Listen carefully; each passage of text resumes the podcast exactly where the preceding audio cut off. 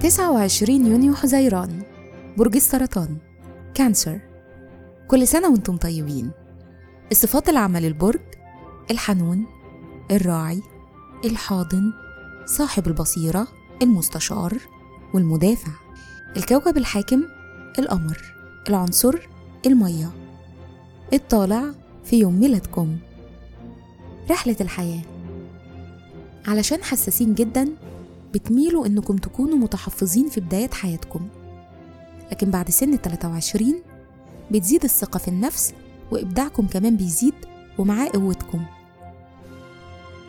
الشخصية بالرغم من مظهركم الذكي والواثق من نفسه لكن أنتم من جواكم علاقتكم بالناس اللي بتحبوهم مهمة جدا بالنسبة لكم.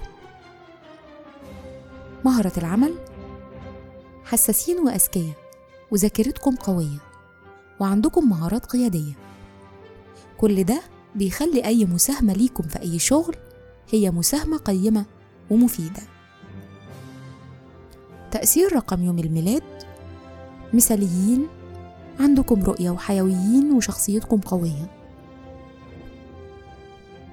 يوم 29 يونيو بيقول عن أصحابه إن هم شخصيات قوية وقدراتهم غير عادية.